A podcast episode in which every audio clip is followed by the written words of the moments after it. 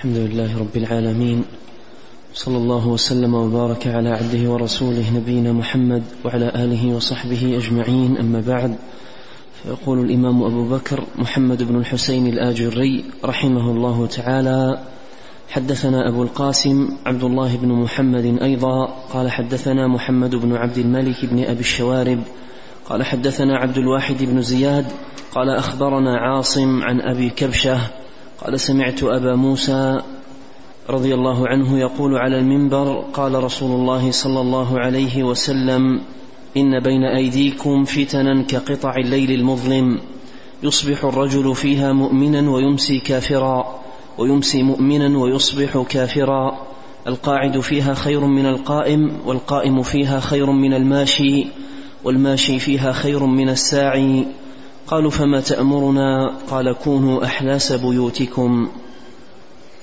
بسم الله الرحمن الرحيم. الحمد لله رب العالمين. وأشهد أن لا إله إلا الله وحده لا شريك له وأشهد أن محمدا عبده ورسوله صلى الله وسلم عليه وعلى آله وأصحابه أجمعين. اللهم علمنا ما ينفعنا وانفعنا بما علمتنا وزدنا علما. وأصلح لنا إلهنا شأننا كله ولا تكلنا إلى أنفسنا طرفة عين. أما بعد هذا الحديث حديث أبي موسى الأشعري رضي الله عنه فيه تحذير النبي صلى الله عليه وسلم من الفتن والتحذير من الاستشراف لها. وبيان ما في ذلك من خطورة على المرء.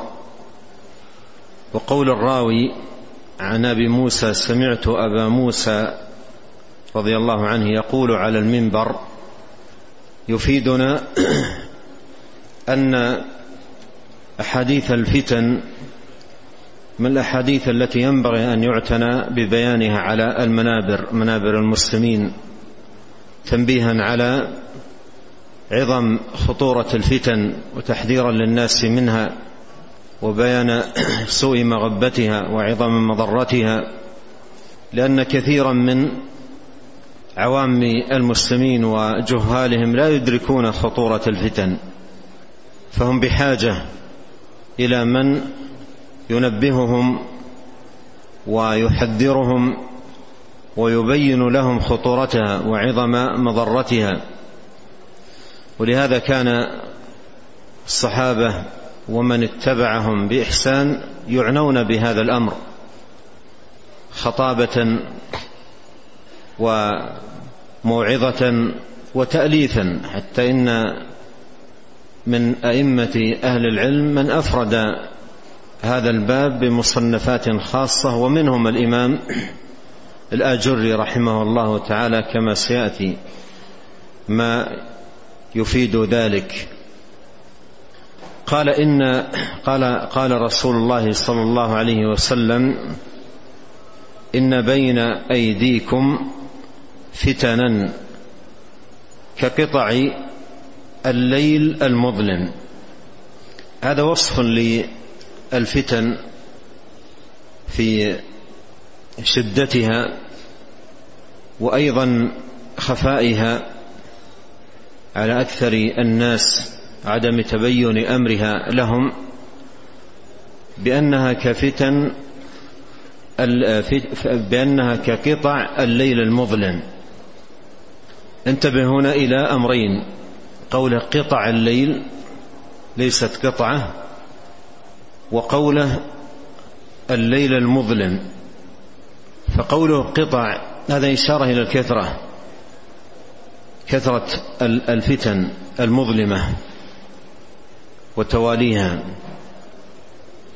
وقولها الليل المظلم لأن الليل ليل مظلم وليل مقمر الذي هو في وسط الشهر.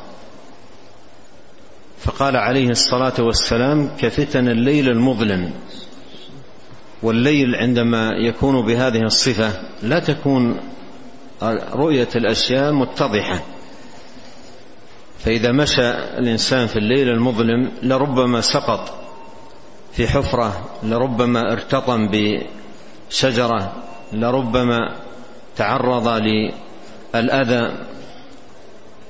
فإذا كان مضطرا إلى مشي في ليل مظلم يحتاج إلى أنات شديدة. حتى لا يتضرر.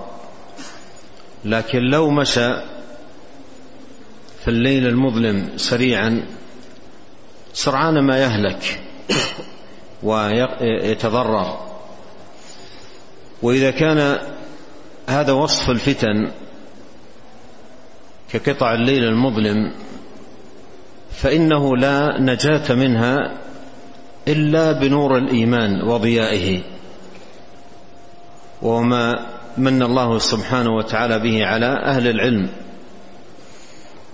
من فهم ودراية. ولهذا شبه المصنف الإمام الآجري رحمه الله تعالى في كتابه أخلاق العلماء شبه حال الناس وأهل العلم بأناس في مكان مظلم. لا يرون الطريق ولا يبصرونه فأتى رجل بإضاءة وصار الناس يمشون في الطريق مطمئنين آمنين بهذا الضوء الذي مع أحدهم ينير الطريق. فهذا مثل العالم في إضاءته الطريق بما آتاه الله سبحانه وتعالى من علم وبما رزقه الله سبحانه وتعالى من بصيرة بدين الله سبحانه وتعالى. قال إن بين أيديكم فتنا كقطع الليل المظلم. عندنا ليل مظلم ونور يقابله وهو نور العلم وضياؤه. وهنا موازنة كلما عظم عظمت الظلمة فبقلة الآثار قلة البصيرة بدين الله سبحانه وتعالى. وكلما قوي العلم بدين الله والبيان التفقيه تفقيه الناس في دين الله خفت هذه الظلمة واتضحت الرؤية للناس.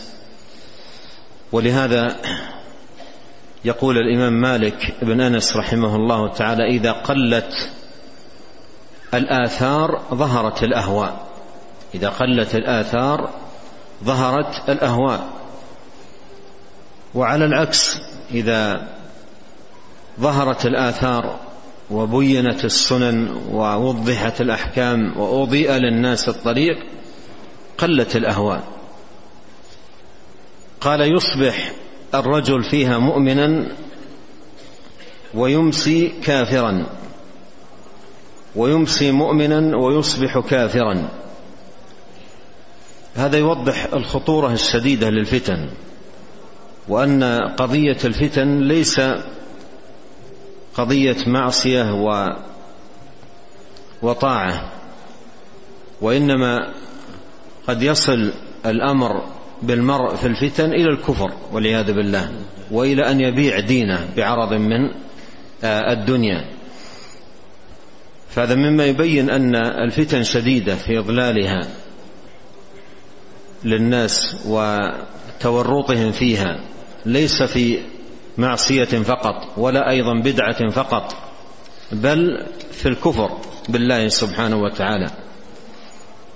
وأيضا الانتقال في الفتن إلى من معصية إلى من طاعة إلى معصية ومن سنة إلى بدعة ومن من إيمان إلى كفر انتقال سريع لأنها مثل ما هو في الحديث صباح ومساء ليس في شهر أو شهرين وإنما يصبح ويمسي يصبح مؤمنا ويمسي كافرا. هذا يوضح ان أن الفتن يحصل فيها تحولات.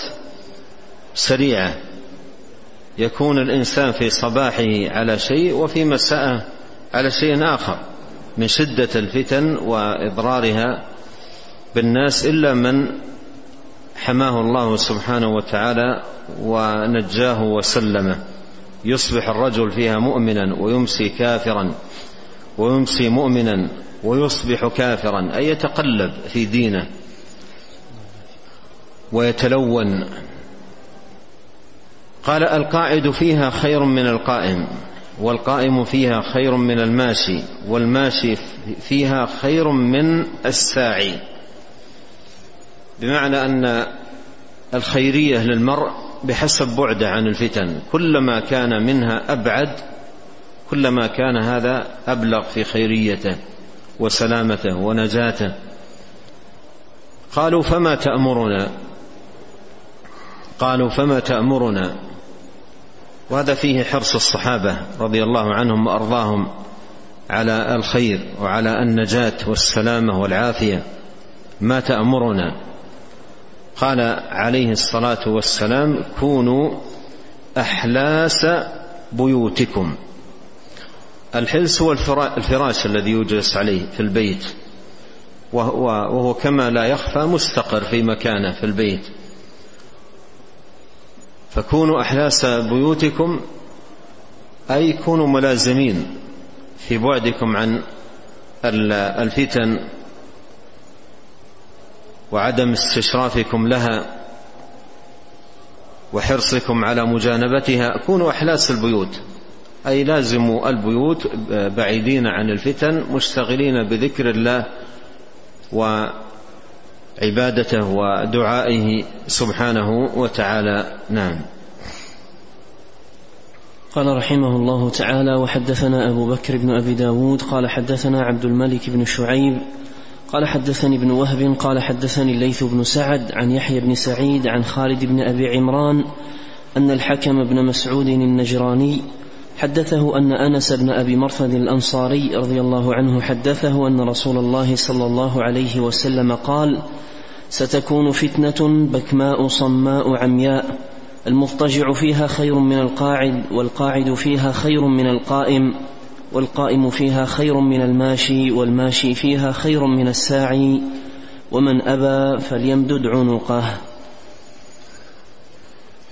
ثم أورد رحمه الله تعالى هذا الحديث عن النبي صلى الله عليه وسلم أنه قال ستكون فتنة بكماء صماء عمياء. الأبكم هو الذي لا يتكلم؟ والأصم هو الذي لا يسمع. والأعمى هو الذي لا يبصر. فستكون فتن بهذه الصفة في شدة خفائها وعدم ظهور أمرها للناس. مثل ما تقدم في قوله كقطع الليل المظلم كقطع الليل المظلم. وهذا بسبب يعني هذا الخفاء الشديد بسبب ظهور الجهل وقلة العلم. بسبب ظهور الجهل وتكلم الجهلة في الدين. وقلة العلم قلة بصيرة الناس بدين الله سبحانه وتعالى لأنه إطلاقا لا مخرج من الفتن إلا بالدين دين الله سبحانه وتعالى. ودين الله لا يعرف إلا بالعلم وحسن الفهم والبصيرة لكلام الله وكلام رسوله عليه الصلاة والسلام. ليس شيئا يرتئيه المرء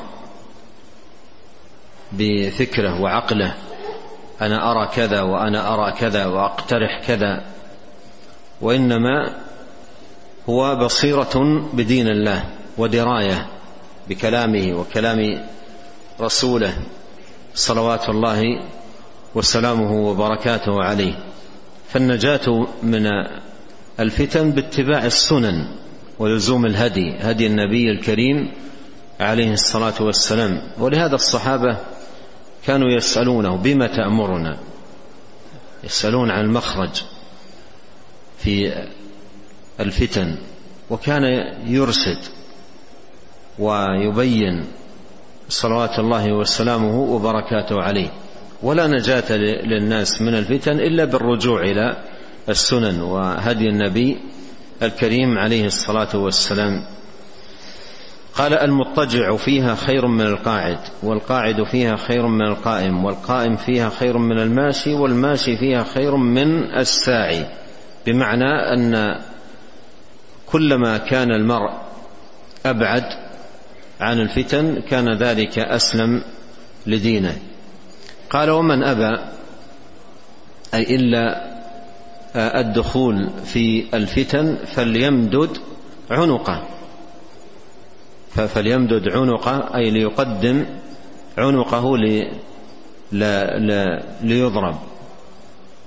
وهذا فيه أن هذا مآل الفتن إراقة الدماء وضرب الأعناق وتطاير الرؤوس. ومن أبى فليمدد عنقه. وقوله في في أوله بكماء صماء عمياء فيه كما قدمت خفاء الفتن الشديد. ولهذا قال أهل العلم إن المرء ينكر قلبه في الفتن. المرء ينكر قلبه في آه، الفتن لأن في شدة خفائها ما يمنع من اتضاح الحق وتبينه. ولهذا أول ما تأتي الفتن يكون أمرها في خفاء على أكثر الناس إلا قلة وهم من أعطاهم الله البصيرة بالدين. وإذا ولت أدرك الجميع خطورتها وشدة مضرتها. نعم.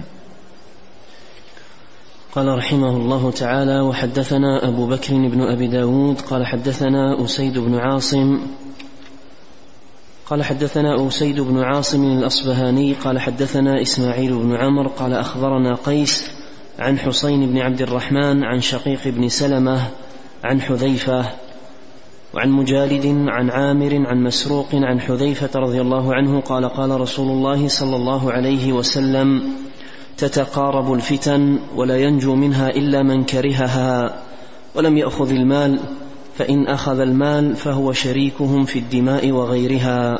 تتقارب. تتقارب الفتن ولا ينجو منها إلا من كرهها ولم يأخذ المال. فإن, فإن أخذ المال فهو شريكهم في الدماء وغيرها. قال محمد. نعم. آه هذا الحديث حديث حذيفة آه ابن اليمان رضي الله عنه وكذلك الحديث الذي قبله. آه، الإسناد فيه ضعف. ولكن المعنى في الجملة تشهد له الأحاديث الذي الأحاديث التي ساقها المصنف رحمه الله تعالى في هذا الباب. قال تتقارب الفتن. تتقارب الفتن أي تتلاحق تتوالى على الناس والفتن فيها التمحيص تمحيص العباد الصادق من الكاذب من عنده يقين ومن لا ليس عنده يقين من يعتصم بالله ومن يهوي ويهلك في الفتن. تتقارب الفتن ولا ينجو منها إلا من كرهها. ولا ينجو منها إلا من كرهها لأن هذه الكراهة هي التي بإذن الله سبحانه وتعالى تبعد العبد عن الفتن بخلاف من يستشرف للفتن. قال لا ينجو منها إلا من كرهها ولم يأخذ المال. وهذا فيه أن الفتن للناس فيها مطامع. وفي الغالب من ورائها الدنيا. والغالب في ما يحصل ويطمع فيه في الفتن الرئاسات والأموال.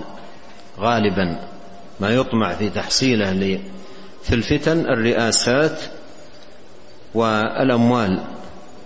مطامع الدنيوية وتحصيل المطامع الدنيوية والمناصب والرئاسات قال ولم يأخذ المال فإن أخذ يعني من كان له مطمع هلك.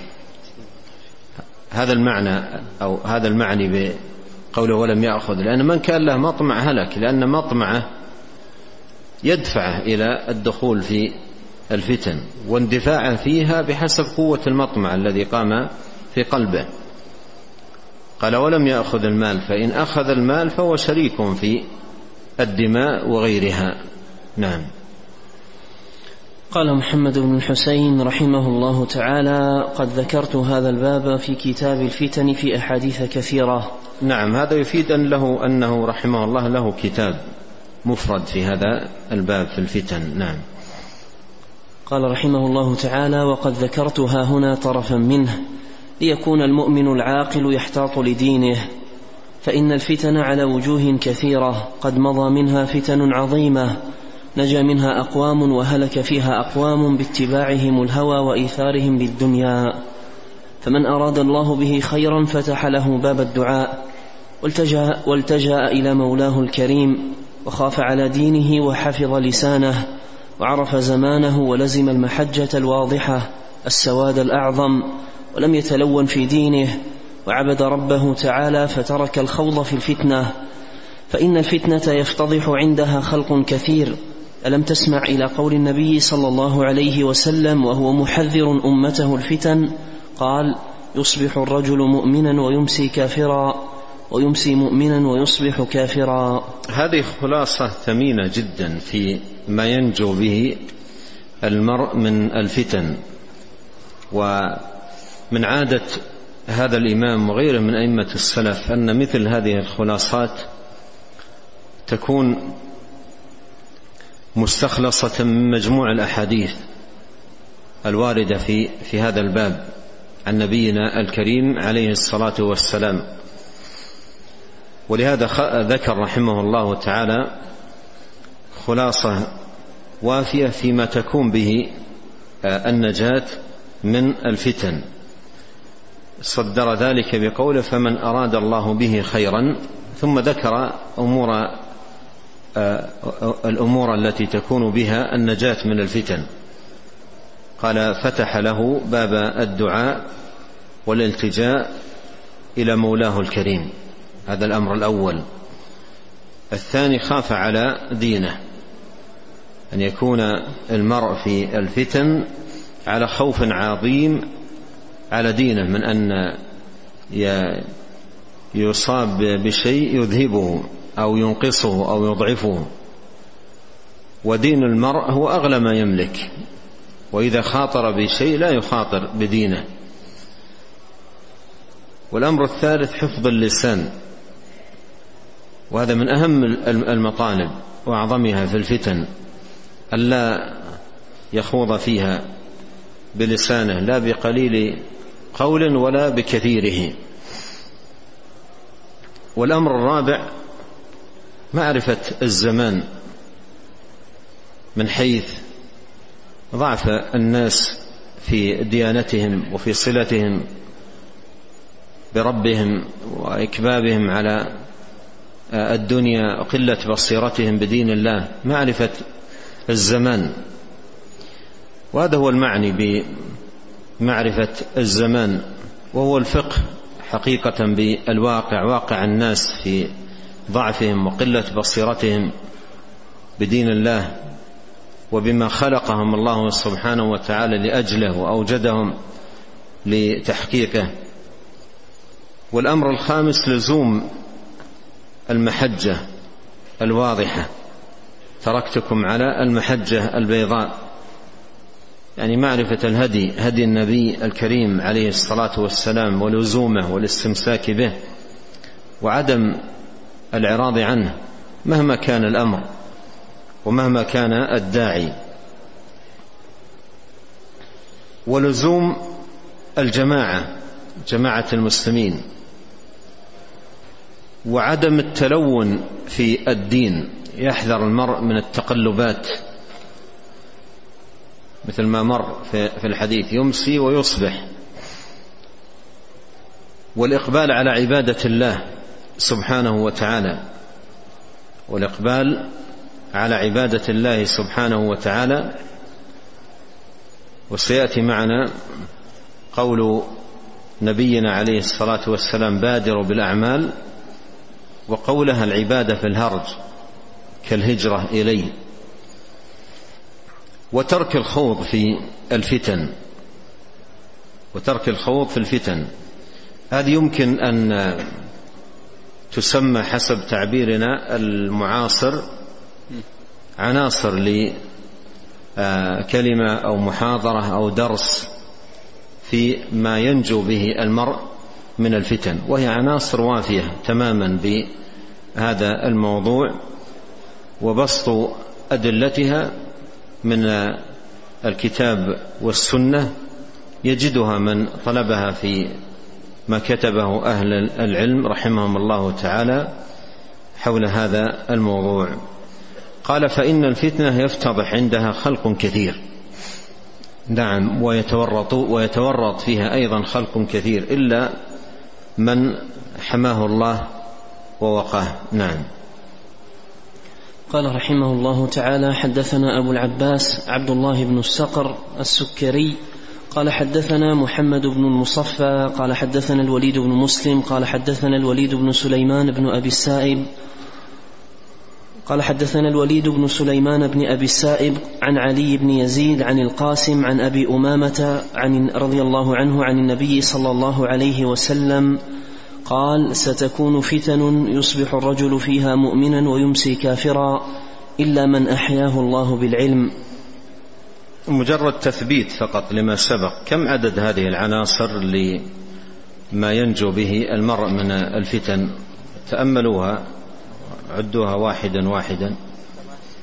في كم عددها؟ تسعة ولا ثمانية؟ ممكن نعدها فيما بعد في البيت. نعدها مرة ثانية في البيت نتأملها ونتأمل في هذه العناصر في ونستخرجها في ورقة. ممكن أيضا نعمم الفائدة خلال الوسائل المتاحة الآن لنشر الفائدة. والله سبحانه وتعالى يبارك بمثل هذه المعاني العظيمة ونشرها بين الناس. أورد رحمه الله تعالى حديث أبي أمامة رضي الله عنه قال ستكون فتن يصبح الرجل فيها مؤمنا ويمسي كافرا إلا من أحياه الله بالعلم. وهذا بما سبق بمعنى ما سبق. وفي هذا الحديث أن المخرج من الفتن والنجاة منها إنما هو بالعلم. والمراد بالعلم أي علم الآثار علم السنن علم الهدي هدي النبي الكريم عليه الصلاة والسلام. والحديث في إسناده ضعف لكنه ثبت عن عن النبي صلى الله عليه وسلم أنه قال إنه من يعش منكم فسيرى اختلافا كثيرا فعليكم بسنتي. هذا هو العلم. العلم هو السنة فعليكم بسنتي وسنة الخلفاء الراشدين المهديين من بعدي تمسكوا بها وعضوا عليها بالنواجذ. نعم. قال رحمه الله تعالى حدثنا أبو بكر محمد بن هارون بن المجدر قال حدثنا وقوله في الحديث أحياه الله بالعلم فيه أن العلم حياة وضده وهو الجهل موت وهلاك. نعم. قال رحمه الله تعالى حدثنا أبو بكر محمد بن هارون بن المجدر قال حدثنا أحمد بن الحسن بن خراش قال حدثنا عمرو بن عاصم قال حدثنا معتمر قال سمعت أبي يحدث عن العلاء بن عبد الرحمن عن أبيه عن أبي هريرة رضي الله عنه عن النبي صلى الله عليه وسلم أنه قال بادروا بالأعمال ستكون فتن كقطع الليل المظلم يصبح الرجل مؤمنا ويمسي كافرا ويمسي مؤمنا ويصبح كافرا يبيع الرجل دينه بعرض من الدنيا. ثم أورد رحمه الله تعالى هذا الحديث عن أبي هريرة رضي الله عنه أن النبي صلى الله عليه وسلم بادروا بالأعمال ستكون فتن كقطع الليل المظلم. قوله بادروا بالأعمال فيه فيه المعنى الذي ورد في قول النبي صلى الله عليه وسلم تعرف إلى الله في الرخاء يعرفك في الشدة. ففي فضل العبادة. والإقبال على الطاعة ليس فقط عندما تقع الفتن بل قبل وقوعها. وأن المؤمن ينبغي أن يكون محافظا على عبادة الله مكثرا من ذكر الله. وهذه المبادرة والإقبال على العبادة تكون بإذن الله سبحانه وتعالى أمنة للعبد ونجاة من الفتن. يحفظه الله سبحانه وتعالى بما يسر له من إقبال على ربه عابدا مطيعا ذاكرا بادروا بالأعمال بادروا بالأعمال أي الأعمال الصالحة من صلاة وصيام وصدقة وذكر لله وتلاوة القرآن ستكون فتن كقطع الليل المظلم. والمعنى أن مبادرتكم بالأعمال نجاة لكم من هذه الفتن. نجاة لكم من هذه الفتن. ستكون فتن كقطع الليل المظلم. يصبح الرجل مؤمنا ويمسي كافرا ويمسي مؤمنا ويصبح كافرا يبيع الرجل دينه بعرض من الدنيا. وهذا فيه أن أكثر ما يهلك الناس في الفتن الطمع في الدنيا. الطمع في الدنيا والحرص عليها مالا كان ذلك أو رئاسة أو نحو ذلك. نعم. قال رحمه الله تعالى حدثنا أبو بكر عبد الله بن محمد بن عبد الحميد الواسطي قال حدثنا عبد الوهاب الوراق قال أخبرنا هاشم بن القاسم عن الأشجعي عن سفيان يعني الثوري عن أبي سنان الشيباني عن سعيد بن جبير قال قال لي راهب يا سعيد في الفتنة يتبين لك من يعبد الله ومن يعبد الطاغوت. ثم أورد, أورد هذا الخبر عن سعيد بن جبير. قال قال لي راهب يا أبا سعيد في الفتنة يتبين لك من يعبد الله ومن يعبد الطاغوت. من يعبد الله مخلصا دينه لله سبحانه وتعالى يعصمه الله في الفتنة. وينجيه مثل ما تقدم بادروا بالأعمال. فالمبادرة بالأعمال عبادة وإخلاصا لله منجاة للمرء في الفتن.